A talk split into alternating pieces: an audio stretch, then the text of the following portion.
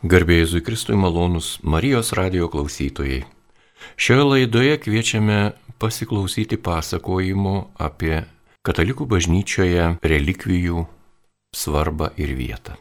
Ir šiandien laidoje dalyvauja Inga Cironkaitė Bendžienė. Ji yra edukacinių programų vadovė iš Bažnytinio paveldo muziejaus Vilniuje.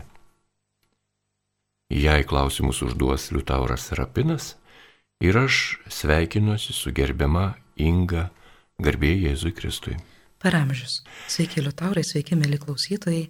Taigi Kristaus kančios relikvijas turbūt šią savaitę bažnyčia minėdama ypatingą pasiruošimą, švesdama Velykų liturgijos įžangą, daug skiria dėmesio maldoje ir mąstymuose, kas yra Kristaus kančia, O jūsų paprašysime papasakoti apie ženklus ir simbolius, kuriuos mes irgi pagarbiai suprantame ir jie yra mums pagalba tikėjime. Taigi Kristaus kančios relikvijos. Kokia šių relikvijų paskirtis, kodėl jos yra gerbiamos, išstatomos ir mums reikalingos. Na visų pirma, gyvename dabar tikrai tokiu sunkiu laiku ar nesudėtingu laiku. Ir reikėtų paminėti, ar ne vis dėlto ir tą Ukrainos tragediją, karą Ukrainoje ir kenčiančių žmonės, kurie tarsi dalyvauja toje Kristaus kančioje ir, ne, ir galime matyti gyvą kančios liudėjimą, tos žiaurumus ir kankinimus. Tai turbūt daugelis iš mūsų dabar žiūrėdami į Ukrainą, į jos žmonės, taip, taip žiauriai niekinamus ir kankinamus, matome tą tikrąjį kryžių. Čia mums turbūt būtų dabar geriausias vaizdinys ir turbūt mūsų akis visos ir mintis krypsta dabar būtent į, į Ukrainos pusę. Bet e, bažnyčios istorija iš tikrųjų relikvijos ar net e, buvo labai paplitusi praktika, maldingumo forma ir bažnyčios palydimas skatinama šalia sakramentų. Tai um, šiandien turim progą pakalbėti apie tai. Aišku, dabar didysis tridienis ar ne ir tikrai tikintieji apie šias relikvijas gali susimastyti, o kas turi galimybę ir prie jų nukeliauti. Tuo labiau, kad Lietuvoje tos relikvijos yra gana paplitusios gana dažnos ir ne vienoje vietovėje jų turime, ne vienoje bažnyčioje jų yra saugoma. Tai visų pirma, kas tai yra relikvija, ar neišvertus į lietuvių kalbą, tai būtų e, palaikai liekana. Relikvijos yra kelių tipų, na, skirstomos į pagrindinės kelias grupės. Tai kapai, kūno dalis arba daiktai priglausti prie šventojo kūno. Tie daiktai vėlgi skirstomi į kelias grupės, tai arba paties šventojo naudoti daiktai, arba atitinkamos medžiagos gabalėlis priglaustas prie šventojo kūno, prie šventojo palaikų. Tai iš čia kyla ir vadinamos antro, trečio laipsnio relikvijos, ar ne? Pagal e, tą lygį, ar ne? Ar tai yra tik paties šventojo palaikų dalelė, ar jo naudotas daiktas, ar kažkokia kita medžiaga priklausta piligrimo, tarkim, piligrimystės, piligriminės kelionės metu prie, prie šventojo palaikų. Tai Šventojo kryžiaus e, Kristaus kančios relikvijas taip pat būtų galima suskirstyti į keletą grupių. Gera naujiena ta, kad Kristus prisikėlė, ar ne? Ir jo kaulelių mes neturime, mes nesaugome, jo kūnas prisikėlęs šlovėje, garbėje, bet e, tikintieji turi įvairių relikvijų susijusių su Kristaus kančia. Visų pirma, reikėtų turbūt paminėti ir vieną moterį, kuri yra labai nusipelniusi šiuo klausimu, tai šventoji Elena, gyvenusi ketvirtajame amžiuje, imperatoriaus Konstantino motina, savo piligriminėje kelionėje į Jeruzalę, atradusi šventojo kryžiaus, kryžiaus medžio relikvijas. Na ir tos kryžiaus medžio relikvijos, erškiečių vainiko relikvijos vėliau paplinta, ar ne, jos nukeliauja į Konstantinopolį, į Romą, XIII amžiuje šventasis Liudvikas, jis prancūzijos karalius, pastato šventąją koplyčią, kurioje vėlgi saugoma dalis Kristaus kančios relikvijų. Na ir paskui iš tų religinių centrų, iš Romos, ar ne, iš Konstantinopolio, iš Paryžiaus, kuriame buvo saugomos kančios relikvijos, tos relikvijos plinta. Ar tai gabalėliais, ar ne nuo, nuo tų tikrųjų relikvijų, ar tai, kaip sakiau, antro, trečio laipsnio relikvijos jau piligrimų priglaustos. Vėlgi dabar jau paminėjau, ar ne paties Kristaus palaikų neturime, bet Kristaus kryžiaus, šventojo kryžiaus dalelės, erškiečių vainiko dalelės, Kristaus kraujo dalelės, taip pat e, visa Jeruzalė, ir ne kaip šventasis miestas, ir įvairios materialiniai objektai iš to miesto taip pat tampa relikvijomis, tarkim, Jeruzalės žemės e, grumsteliai arba akmenėlis iš Golgotos kalno arba medžio gabalėlis iš alyvmedžio, iš alyvų kalno, ar ne, alyvmedžio gabalėlis, tai irgi tampa tokiamis papildomomis tarsi relikvijomis.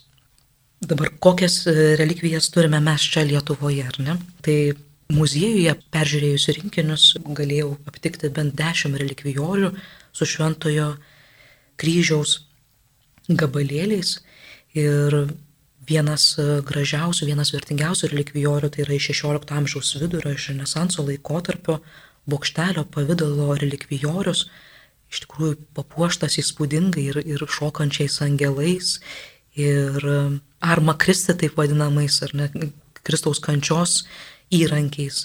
Tai ir, ir pavyzdžiui, Veronika laiko angelėlis.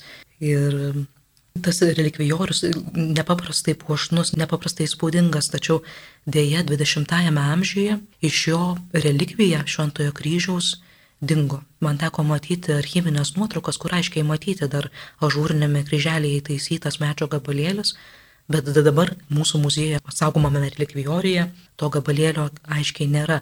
Vienintelė paguoda dar, kad tokiam perlų vėrinėlėje mažytis gabalėlis, galbūt e, liekanėlė kokia tai nuo erškiečių vainiko spyglio likusi, paties, paties spyglio taipogi didžiosios dalies nebėra. Dar keli relikvijoriai, apie kuriuos tikrai verta pakalbėti, tai yra Kristaus kraujo relikvijorius iš 17 amžiaus, priklausęs Bernardinų bažnyčiai, įtaisytas įspūdingame futlere, įspūdingame, įspūdingoje talpykloje.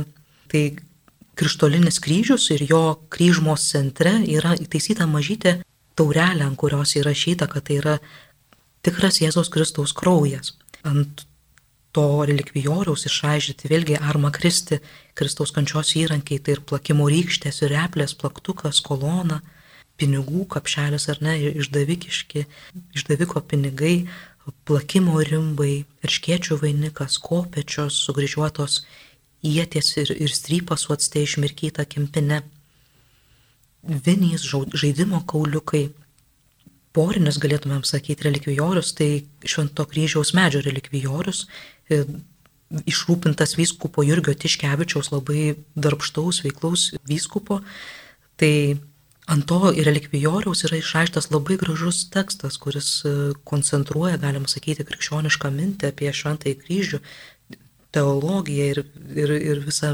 maldos e, paveldą. Tai tiesiog pacituosiu keli sakiniai, kurie išaiškinti to puošnaus relikvijoriaus. Šventasis kryžių visų palaiminimų šaltinį, visų malonių priežastie, per kurį tikintiesiems suteikiama stiprybė vietoj silpnumo, šlovė vietoj negarbės, gyvenimas vietoj mirties, būk išganimas avinėliams, gyvybės medis, vaistas nuo mirties, nusidėjėlių kopečius, o iš, išganingasis medė. Na ir futlere, aišku, ir iš, išsiuvinėtos mergelės Marijos ir, ir Jono evangelisto figūros.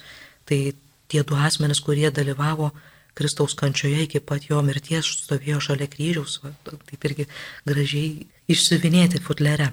Tai tokie trys galbūt pagrindiniai relikvijoriai mūsų muziejuje, kurie yra saugomi, ne, bet yra keletas ir kitų, tai baroko laikotarpio 17, 18, 19 amžiaus jau monstrancijos tipo relikvijorius su mažytėmis kelių milimetrų dydžio švento kryžiaus relikvijomis. Reikia pasakyti, kad relikvijoriai, ar ne kaip, kaip talpykla, relikvijų irgi labai keitėsi. Tarkim, dėžutės ar tokio karstelio pavydalo, link bokštelio ar, ar koplytėlės pavydalo, taip pat atskira relikvijorių grupė galėtumėm įvardinti, tai kalbantis relikvijoriai, kojos formos, rankos formos, biusto formos, kai vos pažvelgus į relikvijorių net vaikas gali suprasti, kokio tipo relikvija e, saugoma viduje.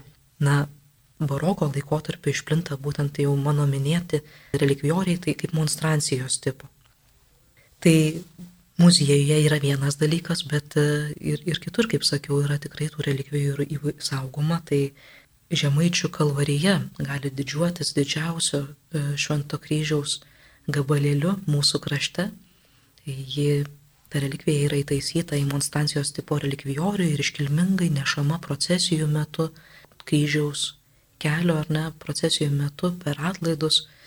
Ta relikvija tikintieji yra laiminami iškilmingai ir tie, kas dalyvavo procesijose, tikrai su atsimena ar net ir klausytojai Marijos radijo, kurie yra ėję Žemaičių kalvarijos kelius, turbūt puikiai atsimena tą relikviją. Taip pat Žemaičių kalvarijoje yra, pavyzdžiui, Šventojo kryžiaus vinies kopija, Golgotos akmenėlis, alyvmedžio, alyvų kalno ar ne, medžio gabalėlis ar turino drobulės fotokopija. Tai dar tokios papildomos e, relikvijos, bet aišku, tas didžiausias, didžiausia brangenybė, pasididžiavimas, tai yra būtent ta Šventojo kryžiaus gabalėlio relikvija, išrūpinta Domininkonų 17 amžiuje ir nuo to laiko iki šių dienų gerbiama piligrimų tikinčiųjų. Pas mus čia Vilniuje taip pat turime kalvarijas, verkių kalvarijas, ar ne, ir, ir piligrimystė žinoma nuo seno ir, ir šiais laikais dar gyvuojanti šiek tiek, bet uh, tokios aiškiai išreikštos relikvijų praktikos galbūt uh, mūsų vilnietiškasis tas kalvarijų kelias neturi.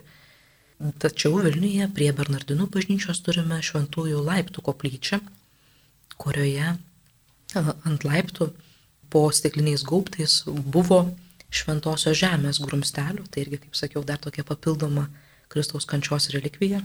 Aišku, per šimtmečius, per karus, gaisrus, ar ne, tos relikvijos buvo išdraskytos. 2000 metais, restauruojant šventųjų laiptų koplyčią, iš šventosios žemės naujai buvo atvežti grumsteliai ir įtaisyti po stikliniais gaubtais, tai tikintieji vis dar meldžiasi, ar ne vis dar palaiko tą praktiką, ypač va didžiąją savaitę, didžiai, didįjį penktadienį, keliais kopdami šventaisiais laiptais bučiuoja šventasias relikvijas. Apskritai, kas tai yra šventųjų laiptų tradicija, galbūt irgi reikėtų trumpai paminėti, tai tos pačios šventosios Elenos, anot legendos, Jeruzalėje rastų Poncijos piloto rūmų grįvėsių laiptai išplėšti, e, tai šventoji Elena 28 laiptelius iš, iš tų grįvėsių išėmusi ar ne iš, išplėšusi nugabeno į Romą. Ir Romoje būtent yra tie pagrindiniai šventieji laiptai, bet kaip analogai paplito visame katalikiškame pasaulyje ir ne, ir ne viename mieste galima rasti tuos vadinamus šventuosius laiptus.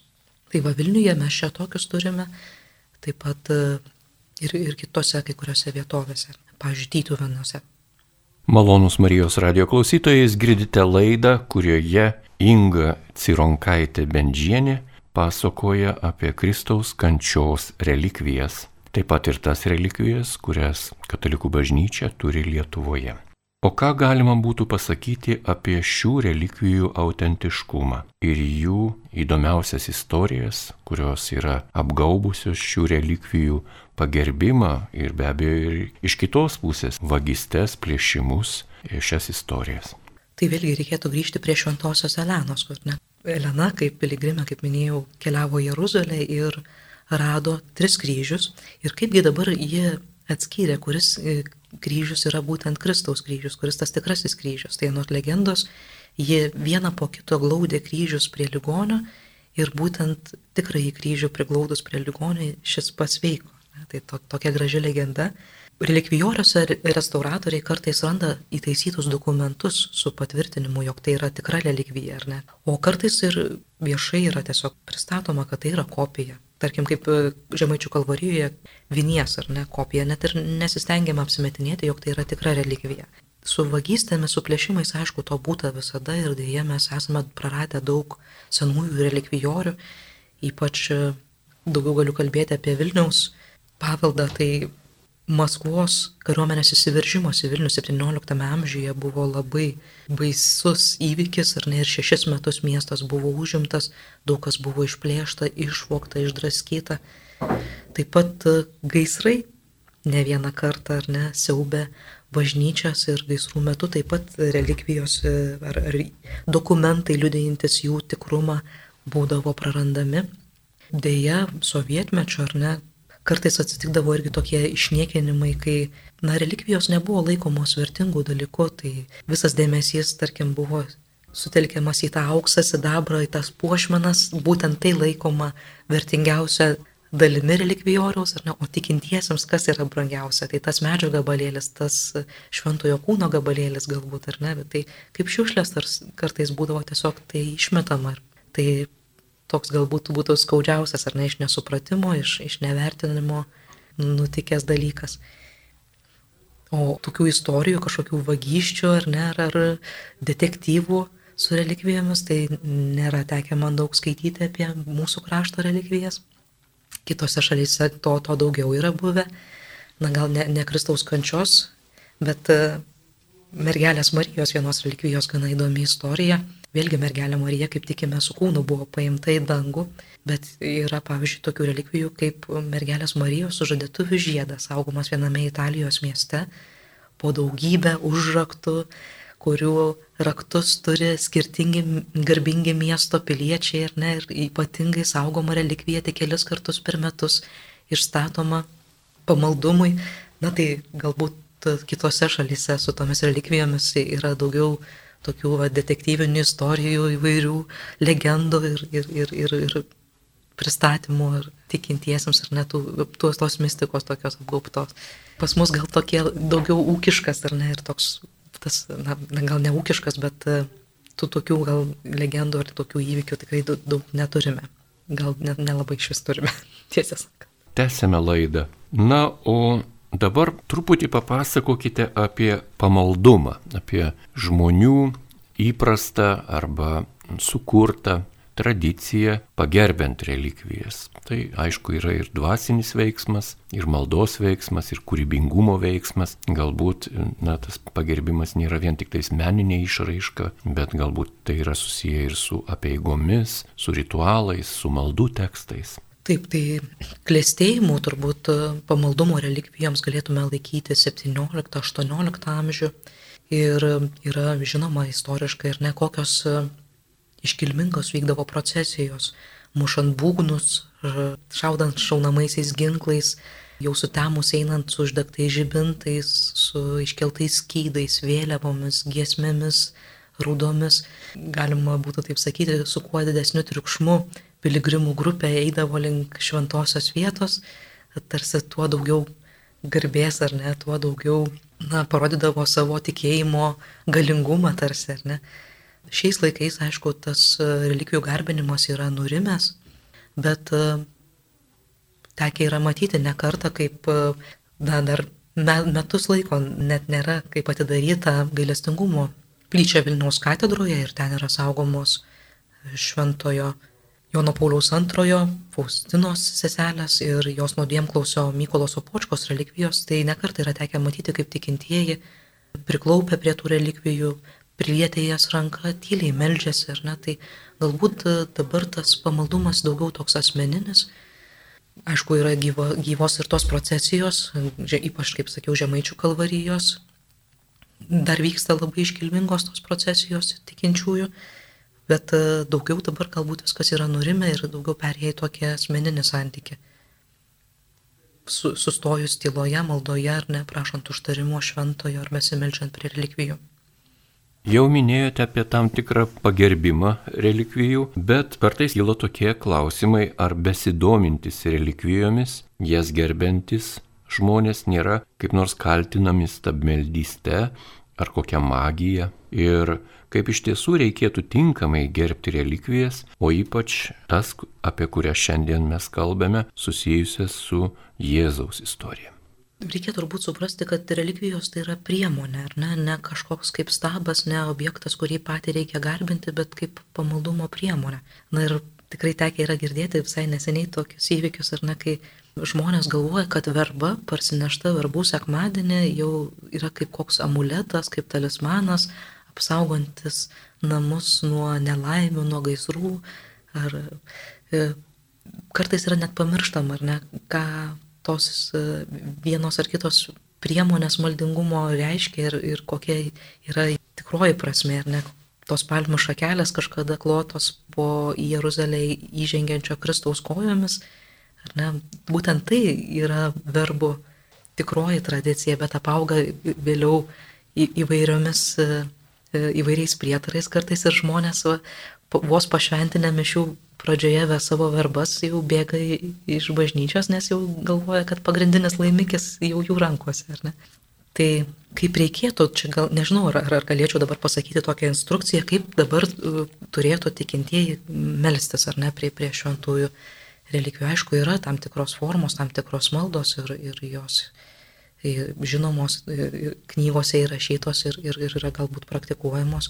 Kita vertus atvirkščiai, net jeigu smerktumėm labai ir net tuos šventųjų relikvijas, šventųjų kūno dalelės, tai galėtumėm irgi tarsi būti erezijos tam tikros atstovai. Žinome iš bažnyčios istorijos, kad yra buvę įvairių erezijų, kurios smergdavo kūną, laikydavo jį purvinu, nešvariu e, dalyku, bet e, krikščionybė ar ne, katalikybė neatskiria taip ir nepasmerkia žemiško, realaus e, mūsų pasaulio, bet ir kūnas, ir dvasia eina kartu ir jie abu yra šventinės, yra sukurti Dievo.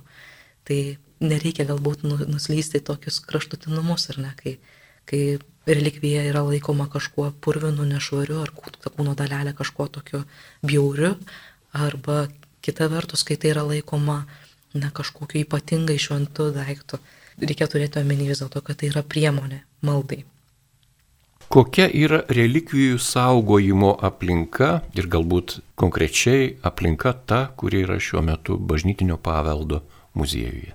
Relikvijos, ar ne visų pirma, saugomos relikvijoriuose, kurie visais laikais buvo gaminami iš pačių brangiausio medžiagų, iš sidabro, aukso, puošiami brangakmeniais, emalio technikomis, ar ne, išpuošiami visų, kuo, ką, ką, ką turima brangiausia, ką turima gražiausia talentingiausi meistrai, ar ne, parodydavo visą savo išmanimą, kurdami tuos relikvijorius. Relikvijoriai, aišku, muziejuje laikomi vitrinose, apsaugoti, ne, bet prie jų galima staptelti ir, ir viena kita malda susikaupus pasimelsti. Bažnyčiose, aišku, irgi relikvijoriai yra saugomi nuo vagysčių, tikiuosi, zakristijose užrakinti saugiai, o, o kai kuriuose koplyčiose prie, prie relikvijų, kaip kalbėjome, galima prieiti ir, ir pasimelsti laisvai. Gal yra žinoma jums apie stebuklus įvykusius prie Kristaus kančios relikvijų? Būdavo surašomos knygos ar nestebuklų įvykusių prie relikvijų besimeldžiant.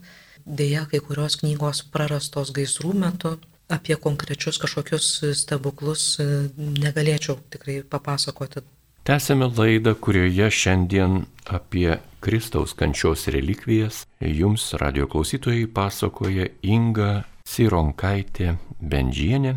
Jei klausimus užduoda Liutauras Serapinas ir neatsitiktinai, svarbus visi ženklai, liudijantis mūsų tikėjimo brandą, mūsų tikėjimo gilį. Ir kalbame apie Kristaus kančios relikvijas, taip pat paminėdami ir vieną kitą su tuo susijusią nekristaus relikviją. Ar šio laikiniam žmogui yra svarbios relikvijos iš tolimų laikų ateinančios į mūsų pasaulį? Ar jie nebejoja patikimumu, reikšme, prasme, tikėjimui? Na, kaip sakiau, kaip, kaip, kaip jau kalbėjau, tikrai palyginus su 17-18 amžiumi atrodo, kad šiais laikais tas pamaldumas relikvijoms yra prigesęs. Ir um, galbūt dabar tikintieji labiau susikoncentruoja į sakramentus ir tą relikvijų pamaldumą, pamaldumą relikvijoms ar ne yra šiek tiek primiršę, bet uh, jau mano minėtas tas žemaičių kalvarijos uh, pavyzdys vis dar gyva praktika, ar ne, ar, ar tos pačios koplyčios katedroje, gailestingumo koplyčios pavyzdys rodo, kad tai yra brangu, tai yra svarbu, tik, tik tiek, kad tas mastas ar ne ir, ir tos visos iškilmės lydinčios pamaldumą yra tokios ir tylesnės, ramesnės. Kokią jūs matėte jums labiausiai patikusią relikviją, aš turiu omeny jos apipavydalinimą, forminimą, įdėjimą į tam tikrą meninės išraiškos, sakykime, relikvijorių, kas jums labiausiai yra likę atmintyje? Man galbūt brangiausios ir, ir mieliausios tai yra Švento Kazimiero koplyčioje esančios Švento Kazimiero relikvijos, ar ne, vos užėjus į koplyčią, akis e, krypsta į šventojo sarkofagą iškeltą virš altoriaus. Tai va čia irgi yra toks pavyzdys, kur pamaldumas yra gyvas ne, ir ypač Švento Kazimiero neįmo dienomis, kovo pradžioje, vykstant atlaidams, irgi tikintieji koplyčioje meldžiasi, prie šventojo relikvijų priklaupia prie altoriaus, prašo užtarimo. Na ir pati koplyčia yra, negalima sakyti, kaip didžiulis relikvijorius ar nesaugoti šventojo Kazimiero palaikams, tai visos koplyčios pošyba yra tikrai vienas gražiausių dalykų, kokį turime Lietuvoje. Man teko ilgai dirbti mokytojų ir dirbti katalikiškoje mokykloje, kurioje, žinoma, vaikai buvo glaudžiai ugdomi kartu su religiniu auklėjimu ir ugdymu. Ir vaikams, kalbant apie relikvijas, tikėjimo slėpinius atskleisti yra lengviau, paprasčiau, nes tai yra vis tiek tokia vizuali priemonė, tam tikras supratimas. Žinoma, Mes Lietuvoje tų relikvijų neturime tiek, kiek turi italai, sakykime, arba prancūzai, arba kur nors ten rytų šalyse yra, kur autentiškai yra išlikę ir miestai, ir gatvės, ir galbūt nameliai tų šventų asmenų, kurie mums yra brangus tikėjimo liudijimu. Bet vaikams ypatingai yra svarbu. Gal galėtumėte papasakoti muziejaus edukacinės programos, ar jos pas jūs Vilniaus bažnytinio paveldo muziejuje yra pritaikytos vaikams ugdyti, mokyti.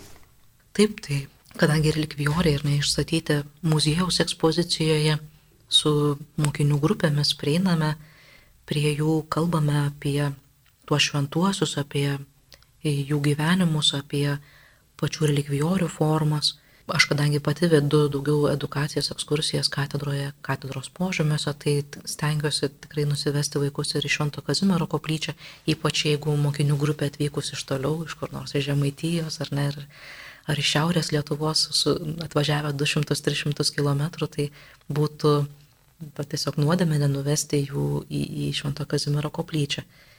Tai Galbūt, aišku, didžiulį tą įspūdį daro visų pirma puošyba, ar ne, tiek, tiek e, relikvijorių, tiek koplyčios. Ir vaikai džiaugiasi tuo grožiu, kurį mato, ar ne. Bet tikiuosi, kad bent kažkas lieka ir atmintyje apie tą šventąjį, ar ne. Ar kartais, e, jeigu tai yra krikščioniškos mokyklos ar, ar pamaldžios mokytojos, jos pakviečia vaikus priklaupti tarkim, prie Švento Kazimiero sarkofago paprašyti jo užtarimo. Kartais ir nuo mokytojos priklauso, ar ne, kaip mokytoja prisideda prie tos edukacijos, pakviesdama vaikus, ar ne, tokiam pamaldumo žingsniui. Dar norisi paklausti jūsų apie altoriuose įdedamas e, šventųjų relikvijas, apie tą tradiciją. Gal jums yra žinoma, kodėl ta tradicija yra gyva, kada jie atsirado, kodėl būtent į altorių yra dedama šventojo relikvija, į pačią altoriaus mensą. Taip, pašventinant bažnyčią ar nepašventinant altorių, joje kiekviename altorija turėtų būti šventojo relikvija tai simbolizuoja šventųjų bendravimą, ar ne, vieną iš mūsų tikėjimo tiesų. Ir dalis atstovauja visumai, toks yra vienas iš principų, ar ne, tai turėdami, kad ir mažyti gabalėlį kokio nors šventojo kūno, bet tikėdami, kad šventasis yra danguje, šalia Dievo, melzdamiesi galime tarsi tikėtis to šventojo užtarimo. Vilniuje katedroje mes turime ir Švento Stanislovo, pavyzdžiui, rankos relikvija išsaugota nuo pat katedros įkūrimo. Ji buvo padovanota iš, iš Krokovos e, įkurtuvių progą, vėliau įtaisyta į tikrai puošnų kalbantį relikvijorių, rankos formos. Ne, tai, na, dabar ta relikvija saugoma atskiroje katedros koplyčioje ir tikintieji gali užeiti, pasimelsti, bet bažnyčia turėdama tokią šventojo relikviją tikisi jo globos ar net tikisi jo užtarimo, tai turbūt pagrindinis principas yra tas šventųjų bendravimas, ar ne šventųjų užtarimas. Naudodamasis proga, gerbiama Inga, kad mes kalbame apie relikvijų svarbą, tai mes lietuviai gyvenantis šiaurėje Lietuvoje, gana toli nuo krikščionybės centrų, ar tai būtų Izraelis, Jeruzalė, ar būtų Roma, Vatikanas, Man yra tekę būti kartą prieš šventas Velykas Romoje ir, na, aš turėjau progą aplankyti Kalistos katakombas prie Apijos kelio. Jos yra, jau galima sakyti, Romos mieste šiuo metu, anksčiau jos buvo už Romos.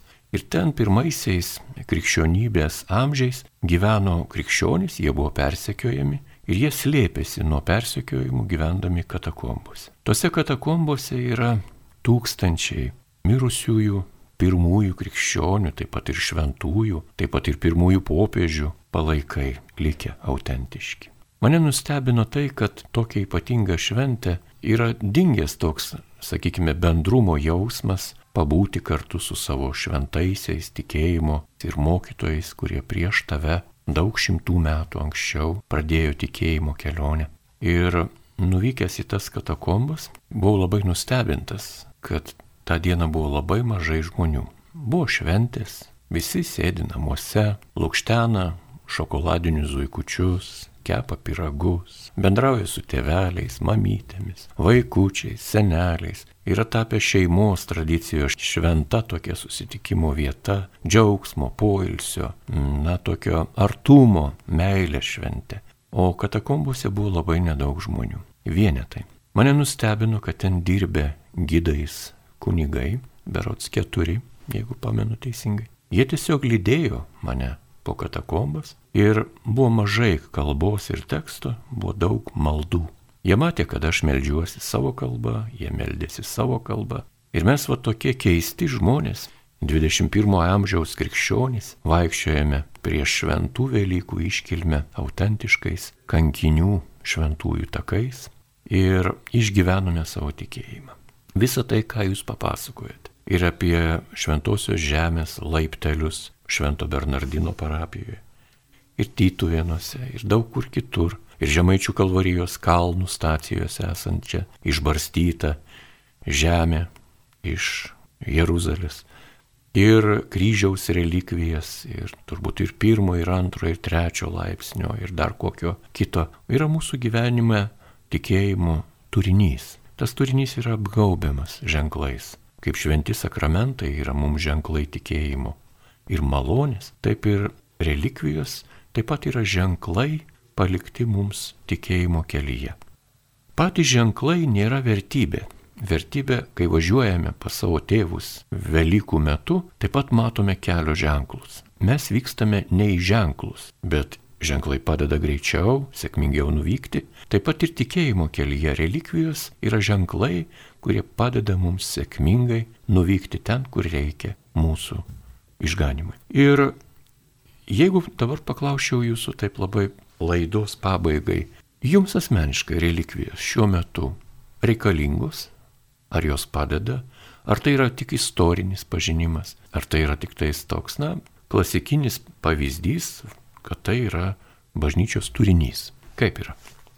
Na, man asmeniškai yra svarbu ir nebrangu, tai yra taip kaip pačiai kaip katalikai, kaip krikščioniai.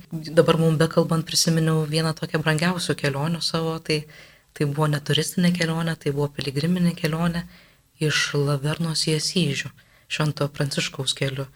Tai nuo Lavernos ar ne nuo to kalno, nuo to vienuolyno, kur Pranciškus tas Asyžiaus neturtelis gavo stigmas, ėjome apie savaitę laiko kartu su vyru na, tą piligrimystę link Asyžiaus, link miesto, kuriame Pranciškus augo, gyveno, ar ne, kur, kur yra jo pagrindinės relikvijos saugomos, jo kapas. Tai, tai tokia galbūt kelionė, ar ne, tas toksai va procesas, kai įsigyveni į tai e, ne per trumpą laiką, tiesiog ne per kažkokį trumpą staptelėjimą, bet per savaitę laiko ir, ir tokiu žygiu, na, su, su malda, su, su aplankimu tų, tų brangių vietų. Galbūt va, tokia forma man tai labai artima, įstrigusi viena, viena gražiausių, ko, kokią esu patyrusi. Kalbėjot jūs apie katakombas, tai katakombų šventųjų iš tikrųjų yra daug iškeliavę į visą pasaulį, nes 16 amžius yra vadinamas tuos, tuo katakombų šventųjų atradimo laikotarpiu, ar ne, ir kai piligrimai keliavo į Romą, ir daugybę ten katakombose rastų šventųjų palaikų gabendavo į savo gimtuosius kraštus. Tai, tai pas mus Lietuvoje irgi yra labai daug tų vadinamų katakombų šventųjų, puošniuose relikvijoriuose saugomos kartais net visos jų kaukolės. Tik įdomu tai irgi, kad kartais simboliškai suteikiami vardai. Nes ne visada mes žinome, ar net tų, tų katakombų šventųjų tikruosius vardus, jų tikrasis jų gyvenimo istorijas. Tai Pavyzdžiui, pas mus muziejuje yra vienas įspūdingas relikvijorius ir jame saugomas šventojo Felicito relikvija, jo, jo kaukolė. Tai laimingasis, džiaugsmingasis šventasis tarsi būtų, ir ne, iš tikrųjų, žiūrint į jį, atrodo, kad jis šypsosi, nes, na, jo žandikaulis, jo, jo, jo dantukai taip atrodo, kad jis juokėsi. Tai ta relikvija buvo padovanota Mykolo Arhangelo bažnyčiai, vėliau atsidūrė aušos vartų lobynę ir restauruojant rasti dokumentai relikvijorijoje, kad ta relikvija priklausė vis dėlto Bernardinių vienuolynui, Bernardinių bažnyčiai ir dabar na, yra sugrįžusi į tą savo vietą ne, saugoma galima ateiti pamatyti štai katakombų šventojo didžiulę relikviją pas mus muziejuje. Taip pat prisiminiau, kad ir Pilypas Neris 16 amžiuje gyvenęs ar ne populiarus šventasis Italijoje iki šių dienų be galo mylimas ir gerbiamas, atnaujino tokį vadinamą septynių bažnyčių kelią, kai buvo keliaujama per pagrindinės Romos bažnyčias ir aplankant katakombas ir tai užtrukdavo kelias dienas, su sustojimu, su laužais, kepant mėsą, šokant, juokaujant, ar ne, irgi va tokia piligrimystė, aplankant svarbiausius tikėjimo centrus ir šventųjų kapus. Na ir dar viena praktika, kurią galima prisiminti, tai rytų krikščionių, ar ne, kad per Velykas jie aplanko savo mirusiųjų kapus, kapines, ar ne, ir ten praleidžia šiek tiek laiko ir valgo, ir, ir geria, ir na irgi toks savotiškas bendravimas ar ne su mirusiaisiais, tikinti prisikėlimą, laukiant mirusių prisikėlimo ir tikint, kad tie artimieji tavo, gal mama, močiutė, tėvai ar ne, giminės, galbūt irgi, kaip tu pažinojai juos, galbūt jie šventieji tavo atrodo, ar ne, ir galbūt jie irgi yra dangaus garbėje šiuo metu. Tai tokia įdomi praktika, galbūt čia rytų krikščionis ar ne, ortodoksai sačiatikėje tą, tą turi. Katalikai netaip dažnai turbūt per Velykas irgi į kapus keliauja savo artimųjų aplankyti.